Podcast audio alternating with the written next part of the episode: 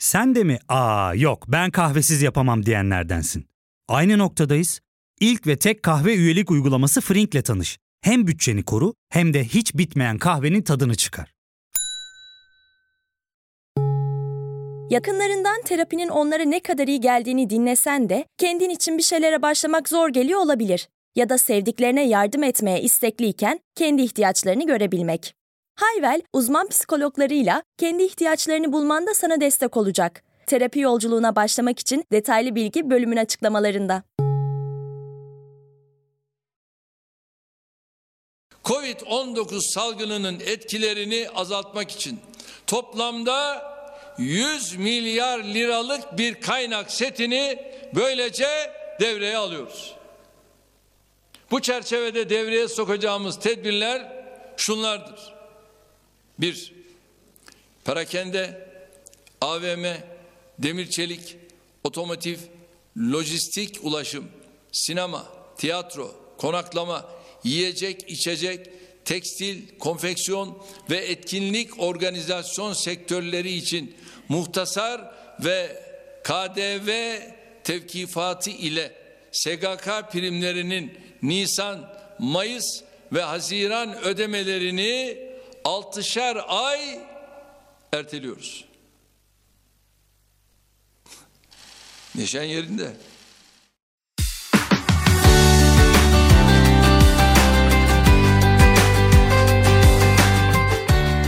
Merhabalar, evet. Neşemiz yerinde.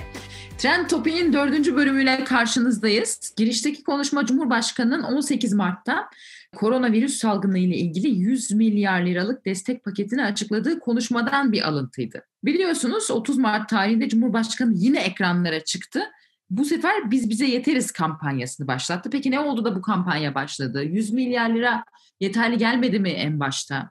Diğer devletlerin açıkladığı destekler mi bunu gerekli kıldı? Ya da görüyoruz ki hükümet Ankara Büyükşehir Belediyesi, İstanbul Büyükşehir Belediyesi'nin kampanyalarından rahatsız. İki belediyenin de bağış topladığı hesaplar donduruldu. Neden? Ne oluyor? Şimdi bunu bir toparlayacağız. Adım adım gidelim. 18 Mart'ta açıklanan ilk paket merakla bekleniyordu. Paketten enteresan başlıklar çıktı. Şimdi 19 maddelik bir paket bu. Tek tek okumayacağım. Zaten pek çok siteden detaylarına ulaşabilirsiniz. Ama şimdi dikkat çeken bazı başlıklar oldu. E, pakette KDV tevkifatı, SGK prim ertelemesi, şirketlerin kredi borçlarının faizsiz ertelenmesi, iç hat uçuşlarda KDV indirimi, 500 bin lira altındaki evlerde kredi miktarının arttırılması, minimum emekli maaşının 1500 liraya çıkarılması, emekli bayram ikramiyesinin Nisan'a çekilmesi, asgari ücret desteğine devam gibi öne çıkan maddeler var.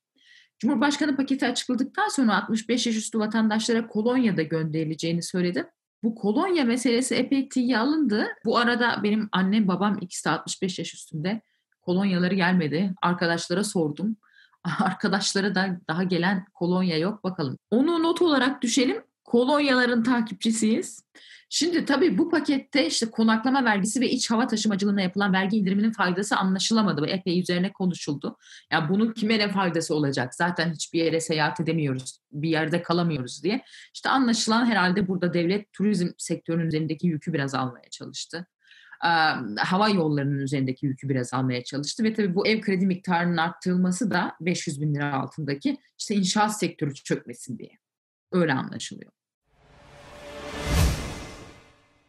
Ufuk Demir bir iş insanı. Etiler'de bir işi var, işletmesi var. Kendisi de bu devlet desteğine başvuran iş insanlarından bir tanesi. Acaba neler yaşamış? Nasıl başvuruluyor? Sonuç nasıl alınıyor? Kendisinden biraz bilgi almaya çalışacağım. Ufuk Demir merhabalar. Merhaba. Siz ne yaptınız şimdi? Nereye başvurdunuz? Ne için başvurdunuz? Şimdi şöyle söyleyeyim. Bu öncelikle muhasebemizin bizi bilgilendirdiği bir konu birkaç gün önce. E, muhasebemiz gerekli bütün başvuruları yapıyor ve bu işin takibini onlar yapıyor. Bizim aldığımız bilgi şu şekilde. Sigortalı personelin bürüt maaşlarının %60'ının devlet tarafından karşılanacağına dair bir bilgilendirmeydi bu. Biz de bütün personelimizin iletişim bilgilerini, efendime söyleyeyim adreslerini çünkü galiba muhasebemizin söylediği şu, aranıyormuş da personel. Yani telefon açılıp şu an çalışıp çalışmadığı ya da haftada ne kadar saat çalıştığı soruluyor ve bunun karşılığında da biz de bu başvuruyu yapıyoruz devlete. %60'ını devlet karşılıyor. Kalanını da biz karşılayacağız. Şimdi şu anda sizin personeliniz çalışmıyor öyle mi? Yok şu anda mağaza kapalı. Kapalı ama personelinizin maaşını %60'ını devlet ödeyecek, %40'ını siz ödeyeceksiniz. Peki ne Evet. zaman alacağınız belli mi acaba? Maalesef onunla ilgili de şunu öğrendik. Birincisi bu personelin hesabına yatacak bir meblağ değilmiş. Birey olarak gidip PTT şubelerinden bunu tahsil edeceklermiş. Bu bir. İkincisi bunun düzenli olarak şimdi biz Mart ayı maaşlarının tamamını verdik personeli bugün. Nisan ayı maaşları için devletin bu meblağı ne zaman yatıracağıyla alakalı bir bilgi sahibi değiliz. İnşallah herhangi bir aksama gecikme olmadan bu ödeme yapılır. Onlar da gidip çekerler. Anlıyorum. Siz kapalı olduğunuz için böyle başvuruda kapalı işletmeler başvurabiliyor. Öyle değil mi? Kapalı, yo hayır şöyle kısıtlı saat uygulaması da yapılabiliyor. Yani benim mesleğim itibariyle ben istersem kapatırım mağazamı, istersem de kısıtlı saatlerde çalışabilirim. Sağlık Bakanlığı'na bağlı olduğum için. Kısıtlı saatlerde çalışıldığında ödenecek meblağ farklı oluyormuş. Tamamen kapatmada ödenecek meblağlar farklı oluyormuş. Aldığımız bilgi bu doğrultuda. Anladım. Peki. Teşekkür ederim Ufuk Demir. Rica ederim ne demek. Kolay gelsin. Sağ olun. Bodrum'da kendi otelini işleten bir kadın arkadaşının bizimle paylaştığı bir mesaj var. Biz daha başvurumuzu bile yapamadık diyor. Dün Ziraat Bankası bize kendi müşterimiz yetiyor, yeni müşteri kabul edemiyoruz demiş. Onun üzerine Halkbank'a gitmiş. Halkbank'ta böyle bir çalışmamız şu an yok. Sadece esnaf kredisi var. Onun için de esnaflar odasına bağlı olmak gerekiyor demiş. Biz ticaret odasına bağlıyız. KOBİ'ye destek vereceğiz diye devlet açıklama yapıyor. Devlet bankalarını işaret ediyor. Ama devlet bankalarına gittiğimiz zaman e, hiçbir sonuca ulaşamıyoruz diyor. Hatta Halkbank'tan kendisine televizyonda duyduğunuz her şeye inanmayın denmiş. Bunun üzerine ticaret odasını aramış. Ticaret odası bu devlet desteği bizim bu konuda bir müdahalemiz olamıyor demiş. Bu otel işleten arkadaş sefil durumdayız. Şimdi ne yapacağız bilmiyoruz diyor. Ki işte tabii turizm sektörü bu krizden en çok etkilenecek sektörlerden bir tanesi. Bu bir kişi işte bu açıklanan sözde devlet desteğini almak için ne yapmaya çalıştığını, geçtiği yolları anlatmış. Bize anlaşılan öyle devlet desteğini almak pek de kolay değil. Kim ne sağlayacak o da doğru düzgün belli değil. Öyle görünüyor. Peki bizde durum böyleyken diğer ülkelerde ne tip destekler açıklandı? Aslında Trend Topic'in ilk üç bölümünü dinleyenler aşağı yukarı bunlara hakim ama tabii bir çok gelişme oldu. Bir de ilk kez dinleyenler var. Şöyle bir toparlayacağım. Korona paketleri konusunda şov yapan ülke Almanya oldu. 23 Mart'ta Almanya şu zamana kadar görülmüş en büyük finansal yardım paketini açıkladı. Pakette 400 milyar euroluk bir bütçeyle şirketlerin tahvil ve bonoları garanti altına alınıyor. Ayrıca bir 100 milyar euro ek bütçeyle sarsılan küçük şirketlere yardım edilecek. 15 milyar euro freelancerlara, şahıs şirketlerine ayrılmış. Bu kişilere 15'er bin euroluk bütçeler sağlanıyor. Küçük bir kriz oldu Almanya'da. Başbakan Angela Merkel'in doktorunda korona çıkınca acaba Merkel'e de virüs bulaşmış olabilir mi şüphesi doğdu. Sonra Merkel'e üst üste testler yapıldı ve Merkel'in testleri negatif çıktı. Almanya böyle bir rahat nefes aldı. Bu dönemde bu korona kriziyle beraber Merkel is back yorumları yapılıyor. Also, es geht darum, das Virus auf seinem Weg durch Deutschland zu verlangsamen. Und dabei müssen wir, das ist existenziell, auf eines setzen.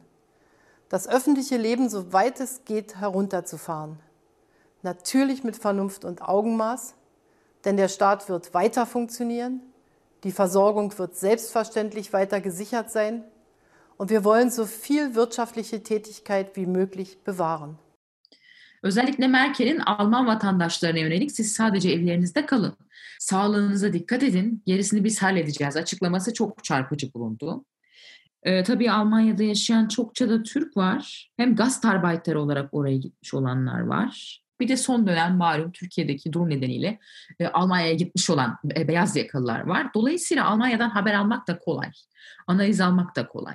Şimdi bu yardım meselesi nasıl işliyor? Almanya'da yaşayan bir Türk yazmış. Erbatur Çavuşoğlu demiş ki Berlin'deki plak dükkanın salgın nedeniyle 15 gündür kapalı. küçük işletmeleri destekleme fonuna yaptığım online başvuruda basit bir form doldurup yalan beyanda bulunmadığımı belirttim. 3 gün içinde 5000 euro geri ödemesiz destek hesabıma yatırılacakmış demiş Erbatur Çavuşoğlu. Yani bu iş bu kadar basit işliyor. İşte gidiyorsunuz bir beyanda bulunuyorsunuz doğruyu söylüyorum diyorsunuz. Paraya ihtiyacım var diyorsunuz. Devlet şak 5000 euro yolluyor size. Böyle bir durum var. Fransa 300 milyar euroluk bir paket açıkladı yaklaşık. Bu pakette 4 milyar euro sadece 4 milyar euro startuplara ayrılmış.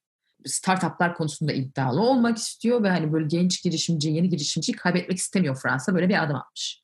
Bir de tabii şunu da çok gördük. İşte İtalya'dan eleştiriler, yalnız bırakıldık, AB şey yapmadı, Çin yanımızda falan gibi e, yorumlar vardı. Fakat işte AB boş durdu mu? Pek öyle değil. 37 milyar euroluk bir yatırım paketi ve 800 milyar euroluk bir dayanışma paketi e, salgından en çok etkilenen ülkelerde kullanılmak üzere Avrupa Parlamentosu'ndan, Brüksel'den geçti. Yani AB de açtı muslukları. İngiltere'de 5 milyon sterlin küçük ve orta ölçekli işletmeler için ayrıldı. İngiltere iş gücünün %15'i şahıs şirketleri ve freelancerlar. Bu kişilere aylık 2500 sterlin dağıtıyor devlet. Amerika Birleşik Devletleri tarihi bir paket açıkladı. 2 trilyon dolarlık destek paketi demokratların da desteğiyle senatodan geçti. Amerika Birleşik Devletleri vergi ödeyen tüm vatandaşlarına 1200 dolar para yatıracak. Çocuğu olanlara ekstra 500'er dolar daha verilecek. Geri ödemesiz bunlar. Dünyanın öbür uçları Yeni Zelanda tüm vatandaşlarının hepsinin hesabına 7'şer bin dolar yatırmış. Kanada'da başka şov yapan bir ülke oldu tabiri caizse. Ee, Kanada Başbakanı Trudeau Uh, this situation has been evolving rapidly, as we all know. We're putting in place unprecedented measures to respond to the needs that people are expressing on how we're going to be able to get through this together, how we're going to be able to, to stay home, uh, self isolate, not go into work, and yet still be able to pick up our economy. Uh, when we're through this uh, particular crisis. Uh, that is the focus that we've had, and that's why what we're offering is a 75% wage subsidy. Uh, to companies large and small, nonprofit sector and uh, charitable sector included, so that people can stay on the payroll uh, while they stay home and stay isolated uh, so that we can ensure that we do bounce back strongly from this once we're through this period. Parayı düşünmeyin, işimi kaybeder miyim diye korkmayın. Siz sağlığınızı düşünün. Para bizim işimiz. Size gelirimizin yüzde üçünü 83 milyar doları ayırdık dedi Trudeau. Şimdi dünyada bunlar olurken Türkiye'de de belediyelerin kollarını sıvadığını gördük. 26 Mart tarihinde Ankara Büyükşehir Belediyesi Başkanı Mansur Yavaş bir destek paketi başlattığını açıkladı. Ankara Büyükşehir Belediyesi olarak ortalama 150 bin aileye gıda yardımı yapıyoruz. Ama belli ki bu süreç nedeniyle bazı iş yerlerimiz yasal olarak da veya kendiliğinden alınan tedbirler gereğince kapalı kalmak durumunda olacak. Devir dayanışma ve birlikte olma günüdür. Ankara Büyükşehir Belediyesi olarak Ankaralı yardımseverlerin bu süreçte mağdur olacak insanlara yardımcı olabilmeleri için bir web sayfası üzerinden ayrıca yardım kampanyası başlattık. Buna da destek olacağınızı umuyorum. Unutmayın gün dayanışma günüdür ve bu süreci hep birlikte atlatacağız. Ardından İstanbul Büyükşehir Belediyesi Başkanı İmamoğlu Fox TV'de İstanbul için koronavirüsle ilgili destek kampanyası başlattığını duyurdu. Şimdi bunun üzerine işler karıştı. İçişleri Bakanlığı bir genelge yayınladı. Belediyelerin yardım toplamasının yasa dışı olduğunu söyledi. Öte yandan hukukçular diyorlar ki mesela Nazan Moroğlu yazmış. Nazan Moroğlu diyor ki yani genel hükümler her zaman özel hükümlerin üstündedir. Dolayısıyla e, yasada yani genel hükümde belediyelerin bağış toplayamayacağına dair bir ibare yok, bir ifade yok. Dolayısıyla özel hükümle siz belediyelerin bağış toplamasının önüne geçemezsiniz diyor. Fakat şu anda hali hazırda belediyelerin e, bu bağış topladığı hesaplara bloke konmuş durumda İçişleri Bakanlığı'nın talimatıyla. Hatta hemen bunun üzerine bir rest Ankara Belediye Başkanı Mansur Yavaş'tan geldi. Ee, Ankara Belediyesi bağışları Vakıf Bank'ta topluyordu. Vakıf Bank hesabına bloke konulunca Mansur Yavaş çalışan maaşları içinde Vakıf Bank'la çalışmayı sonlandırdıklarını açıkladı. Böyle bir paketler savaşı var. Şimdi bu 11 CHP'li belediye İçişleri Bakanlığı'nın yayınladığı genelgeyi de mahkemeye götürüyor. Bakalım mahkemeden ne çıkacak. Ya fark ettin mi? Biz en çok kahveye para harcıyoruz. Yok abi, bundan sonra günde bir. Aa, sen Frink kullanmıyor musun? Nasıl yani? Yani kahvenden kısmına gerek yok. Frink'e üye olursan aylık sadece 1200 TL'ye istediğin çeşit kahveyi istediğin kadar içebilirsin. Günlük 40 TL'ye sınırsız kahve mi yani? Çok iyiymiş. Aynen. Hatta şu anda 200 TL'lik bir indirim kodu da var. E hadi hemen indirip üye ol da bu fırsatı kaçırma. Terapiye başlamak, içinden çıkamadığın döngüleri kırmak, bazı yanlış bulduğun kararlarını değiştirmek ve kendinle beraber daha huzurlu bir yaşam inşa etmek için atabileceğin en değerli adımlardan biri. Hayvel ile yoğun yaşam tempona uyum sağlayarak online terapi seanslarını takvimine göre ayarlayabilirsin. Bini aşkın uzmandan sana en uygun terapisti seçebilir, PodB10 koduyla indirimden yararlanabilirsin. Detaylı bilgi açıklamalardaki bağlantıda. Şimdi podcast'ın başında o söylediğim 100 milyar liralık devletin açıkladığı ilk paketti. Daha sonra işte ikinci paket geldi. Yalnız bu pakette devlet kendi desteğini açıklamadı da bağış istedi. Cumhurbaşkanı Erdoğan ihtiyaç sahipleri için bağış kampanyası başlattığını açıkladı. Kampanyanın adı Biz Bize Yeteriz kampanyası. Kendisi de 7 aylık maaşını bağışladığını söyledi. Cumhurbaşkanının aylık maaşı 81.250 lira. Şimdi biz bize yeteriz ismi özellikle seçilmiş öyle anlaşılıyor. Zira kimi ekonomistler Türkiye'ye bu Covid-19 krizi çok ağır gelecek. Sonunda IMF'ye gitmesi gerekecek Türkiye'nin yorumlarını yapıyorlardı. Bu yorumlara da göndermeye yapıldığı anlaşılıyor. Biz bize yeteriz başkasına ihtiyaç yok denerek. Kampanya ile sosyal medyada dalga geçen çok oldu. Twitter'da bir kullanıcı Devlete 10 lira bağışlamak istesem gider 2 bira alırım. %60 vergiyle devlete daha fazla katkım. Üstüne de 2 biram olmuş olur. Bir günlük keriz olacağıma her zamanki gibi kerizliğimin tadını çıkartırım demiş. Ee, bir başka kullanıcı herkes gücü nispetinde bir devlet kurumunu evine alıp baksın arkadaşlar. Ben Karayolları Genel Müdürlüğü'nü seçiyorum diye espri yapmış. Yalnız buradan işte espri yapanların arasından gözaltına alınanlar da oldu. Bir kullanıcı işte telefonu açıp da Cumhurbaşkanıyım diye sizi kandıranlara para vermeyin gibi bir tweet attı. Tweet çok çokça paylaşılmıştı. Bu tweet üzerine e, bu kişi gözaltına alındı ve ifadesi alındı. Şimdi çokça espri var, çokça eleştiri de var. Kampanyaya çok tepki gelince Cumhurbaşkanlığı İletişim Danışmanı Fahrettin Altun devreye girdi ve bu kampanya ile ilgili şöyle bir tweet attı. Milli dayanışma devletin halktan para istemesi değil, bütün dünyanın yaşamakta olduğu böyle bir badirede milletin her ferdiyle sınıf, ideoloji, siyaset ayırmadan birbirine destek olmasıdır. Ucuz hesaplar uğruna bu dayanışmaya taş koymaya çalışanları millet affetmez diye böyle bir ifade kullandı Fahrettin Altun bağış yapanlar, bunu açıklayanlar oldu. Devlet Bahçeli 5 maaşımla katılıyorum dedi bu kampanyaya. Meclis Başkanı Mustafa Şentop 5 maaşını başladığını duyurdu. Ee, şarkıcı Mustafa Ceceli 50 bin lira vermiş kampanyaya. Türkiye Odalar ve Borsalar Birliği 10 e, milyon lira destek vereceğini açıklamış. Numan Kurtulmuş 3 maaşını bağışlıyor. Bursa Büyükşehir Belediye Başkanı Aynur Aktaş 6 maaşını bağışlıyor. E, Haluk Levent de 30 bin lira bağışladı gibi gibi. Bunlar bağış yapanlardan bazıları. Yalnız tabii Çiğdem Toker burada güzel altını çizmiş. Özellikle yolsuzlukların üzerine çok gider Çiğdem Toker. Çiğdem Toker şunu belirtiyor. Diyor ki kimi inşaat firmaları hemen hevesli hevesli bu kampanyaya bağış yapacaklarını söylediler. Yalnız bu yaptıkları bağışı aynı zamanda vergiden düşecekler. Böyle de bir şey var. Yani dolayısıyla bir cepten al öbür cebe koy gibi bir durum oluyor. Bunun da altını çizmiş Çiğdem Toker. Böyle de bir detay var. Bunu eklemiş olalım. Şimdi siyaset bilimci Emrah Gülsunar bu bağış kampanyasını şöyle analiz etmiş.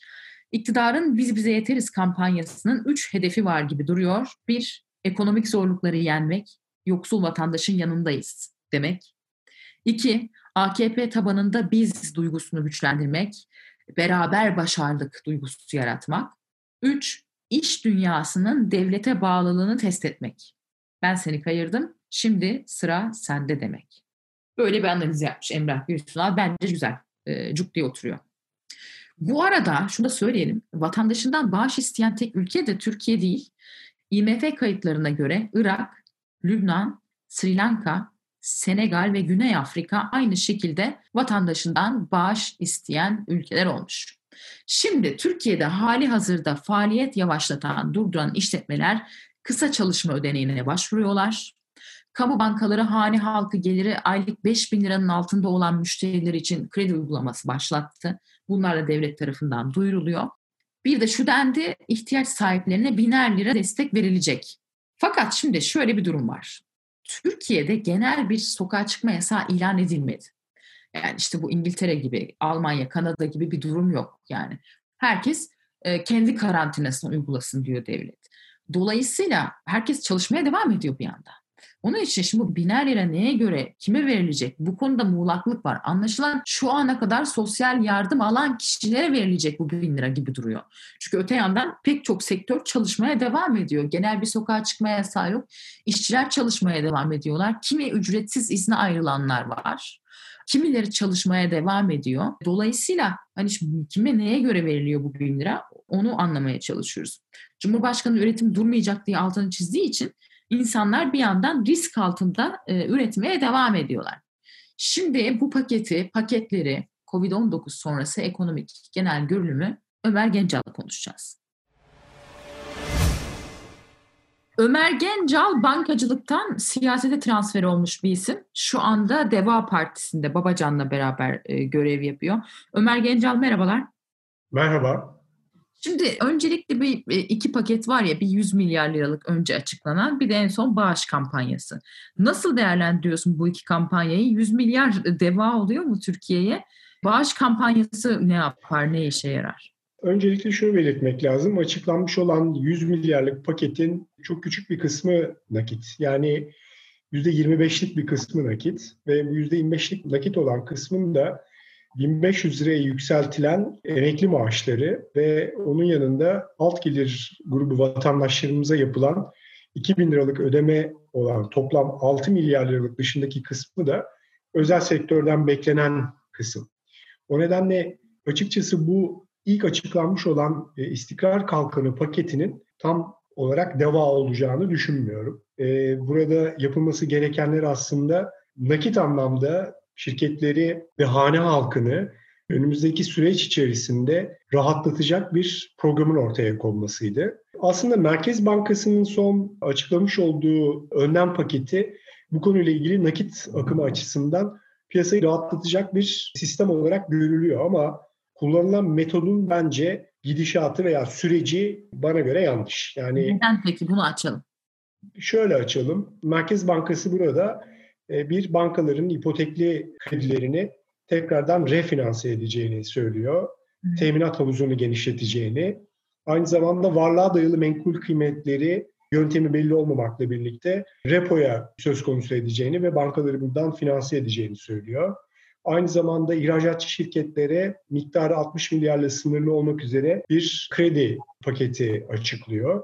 Bunun yanında mevcut politika faizinin 125 bas puan altından 6 ay süreli bir swap işlemine konu olacak bir uygulamaya gidiyor. Swap son dönemlerde biliyorsun piyasanın oldukça gündeminde. Şimdi neden böyle bir paket aslında şu an itibariyle yaralara biraz merhem olur ama önümüzdeki süreçte e, başımıza e, başka işler açar onu açalım. Burada aslında yapılması gereken şuydu bana göre. Hazine ve Merkez Bankası koordineli bir tahvil ihracı. Bu tahvil ihracına istediğiniz adı verebilirsiniz. Ve bu tahvil ihracı sonucunda bundan faydalanacak olan e, kişilerin, bundan faydalanacak olan şirketlerin tamamen tanımlı ve açık, şeffaf bir şekilde yapıldığı bir ortam ve bunun her hafta itibariyle denetlemesinin yapıldığı, her ay itibariyle hesaplarının verildiği bir ortam yaratılabilirdi. E, fakat bu yola gidilmedi. Bu yol yerine nakit ihtiyacının karşılanması için işte Merkez Bankası'nın dün açıklamış olduğu önlemler ortaya kondu. Burada e, hangi banka hangi şirkete ne kadarlık kredi verecek, ihtiyacı olanlara gidecek mi gitmeyecek mi, bunu kimler kullanacak? E, sonuçta bankalardan alınacak olan varlığa dayalı menkul kıymetler ve bankaların potaya dayalı kredilerinin hangi fiyattan Merkez Bankası tarafından teminata alınacağı, Bunlar karşılığında yapılacak olan repo bunların çoğunluğu şu an itibariyle şeffaflıktan uzak görünüyor. O nedenle yapılan sistem olarak belki doğru ama süreç olarak bence e, şu an itibariyle demin tavsiye ettiğim şekilde yapılmasından biraz daha uzak bir halde. E, o nedenle bu Amerika e, Birleşik Devletleri'de açıklanan 2 trilyonluk paket o tahvil ihracıyla sağlanıyor değil mi? Öyle bir öyle bir şey mi anlayalım? Amerika Birleşik Devletleri'ndeki segment çok farklı. Yani bireylere 603 milyar liralık bir paket gidiyor. Burada 300 milyarlık bir nakit ödeme var. Ekstra işsizlik için 260 milyar liralık bir ödeme söz konusu olacak. Öğrencilere 43.7 milyarlık bir rakam kredi olarak veriliyor. Özellikle büyük şirketlere 500 milyar liralık bir açıklama var. Yani burada onların da segmentasyonu var. 425 milyar liralık kısmı büyük şirketlere yapılacak. 25 milyar dolarlık bir kısmı ücretler için yapılacak olan bir takım ödemeler. Bunların hepsi dolar. Bunlar hepsi dolar. Bu şey yani Türkiye'de gelip de dönüp dolaşıp şuna mı geliyor? Yani Türkiye'nin parası yok o nedenle bu kadar. Buna mı geliyor iş? Zaten bütçe rakamlarına baktığımız zaman Nevşin açıkçası geçtiğimiz sene 128 milyar merkezi bütçe açığı vermiş bir IMF tanımı söylüyorum tabii bir durum söz konusu. Bu sene itibariyle verilmesi planlanan bütçe 139 milyardı hatırlarsan. Hı. Ama bu kriz olmadığı halde bile bu bütçenin 180-190 milyardan aşağı bir açık verip vermesi söz konusu olmayacaktı. Şimdi bu bütçenin e, mevcut koşullarda bu kriz geldikten sonraki verebileceği açık miktarını açıkçası ikinci çeyrekteki büyüme rakamları, işsizlik rakamları, üçüncü çeyrek ve dördüncü çeyrekteki eğer bu e, korona virüsü krizi geçerse nasıl bir ekonomide yeniden canlanma olacak? Onun senaryoları üstüne kurmak lazım. Tamamen bir belirsizlik söz konusu. Peki ee, para mı basılma, para mı basacak e, sonunda yani buna mı bu para basılması mı gerekecek? Şu anda Merkez Bankası'nın yapmış olduğu aslında doğrudan para basımı gibi bir şey. İlk etapta bu para basımının zaten etkilerini ufak ufak kurulu da görmeye başladık. Tabii bu demin söylemiş olduğum planlı programlı bir çerçeve içerisinde yapılsaydı bu paranın tekrar geriye çekilmesi ve bunun sterilize edilmesi gibi bir takım unsurlar kolay olarak ve planlı olarak yapılabilirdi. Ama şimdi bundan sonraki süreç itibariyle bu para basımı önümüzdeki süreçte nasıl tekrar sterilize edecek, enflasyona nasıl etkisi olmadan bir şekilde geçiştireceğiz bunları açıkçası önümüzdeki 2021'den itibaren belki de bu senenin 3. 4. çeyreğinden itibaren yaşamaya başlayacağız diye düşünüyorum. Yani yüksek enflasyon rakamları ile karşılaşabiliriz diye öngörmek lazım herhalde. Yani ilk etapta şu anda arz ve talep şoku var hı hı. açıkçası. Bu arz ve talep şokunun mevcut şartlar altında bir enflasyon yaratma ihtimali belki olmayabilir. Ama talep tekrardan yerine dönmeye başladığı andan itibaren bir de tabii bizim büyümek için yurt dışı kaynağı ihtiyacımız olduğu ve mevcuttaki borç stoğumuzun da 430 milyar dolar civarında olduğunu düşünürsen otomatikman maliyetlere talep geldiği zaman da otomatikman enflasyona, tüketici enflasyonuna yansımaması diye bir şey söz konusu olmaz diye düşünüyorum. Zira e, dolara en son baktığım zaman 6.66'lar civarında bir seviyedeydi. Biz sene sonu kuru olarak 6.50'leri, 6.40'ları öngörürken bugünden bunları yaşıyor olmak tabii başka bir durum. Yani bunun yanında tabii Merkez Bankası dolar kurunun artmaması için de e, geçmiş dönemden itibaren e, özellikle son 8-9 aylık süreç içerisinde hatta bir yıllık süreç içerisinde kamu bankaları vasıtasıyla da eldeki rezervleri de harcadı. Onu da göz önünde bulundurmak lazım. Yani şey ne olur yani tabii bu işin çok finans boyutu değil ama burada küçük işletmeler mi ezilip gider? Bu yardım küçük işletmeleri kurtaramaz. Göstergeler o yönde mi? İlk etapta küçük işletmelerin büyük e, zarar göreceği kesin. Likit olanlar ayakta kalabilir e, ama devamlı olarak bir borç döngüsü içerisinde olanlar biraz durumları zor olacak diye düşünüyorum. Yani süreç aslında burada küçük işletme, orta bir ölçekli işletme veya büyük işletme olarak bakmak biraz şey olur. Topyekun bir kriz durumu var. Zira sadece Türkiye'ye özgü de değil, global anlamda bu çerçevede sadece ithalatçı değil, aynı zamanda ihracatçı şirketlerde de ciddi problemler var küçük işletme, büyük işletme ayrımından daha ziyade aslında sektörel bir ayrıma bakmak lazım. Hı hı. Ben hizmetler sektörünün önümüzdeki dönemde oldukça ciddi problemlerle karşı karşıya kalacağını düşünüyorum. Turizm bunların en başında geliyor. Zira bundan yaklaşık iki hafta önce turizmde otellerdeki doluluk oranı İstanbul'da en azından yüzde yirmiler civarındaydı. Turizm sezonunun da yaklaştığını düşünürsek biraz problemli bir yıl e, geçirme ihtimalimiz var diye düşünüyorum. Bir de en son şunu soracağım. IMF bir koronavirüsünden işte darbe yiyen gelişmekte olan ekonomiler için bir paket ayırdığını açıkladı ama Türkiye kesinlikle IMF'nin kapısını çalmak istemiyor. Peki acaba bu durumda IMF'nin kapısı çalınsa daha mı iyiydi acaba? Bence daha iyiydi. Zira ekonomik anlamda bize faydası olacak, siyasi anlamda olmayacak bir durum ama siyaseten seçim açıkçası bu yönde kullanılmıyor. Dış kaynağı alıp dış kaynakla birlikte bunu kullanıyor olmak çok daha akılcı olurdu diye tahmin ediyorum ama siyaseten böyle bir tercih yapılmadı. Peki Ömer Gencal çok teşekkür ederim. Ben teşekkür ederim. Kolay gelsin. Çok mersi. Trend Topic'in dördüncü bölümünde birlikteydik. Trend Topic'i Spotify, Apple Podcasts ve tüm podcast uygulamalarından dinleyebilirsiniz.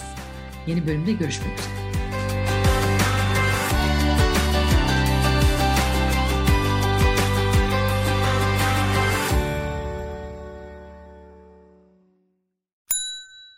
İlk ve tek kahve üyelik uygulaması Frink, 46 ildeki 500'den fazla noktada seni bekliyor.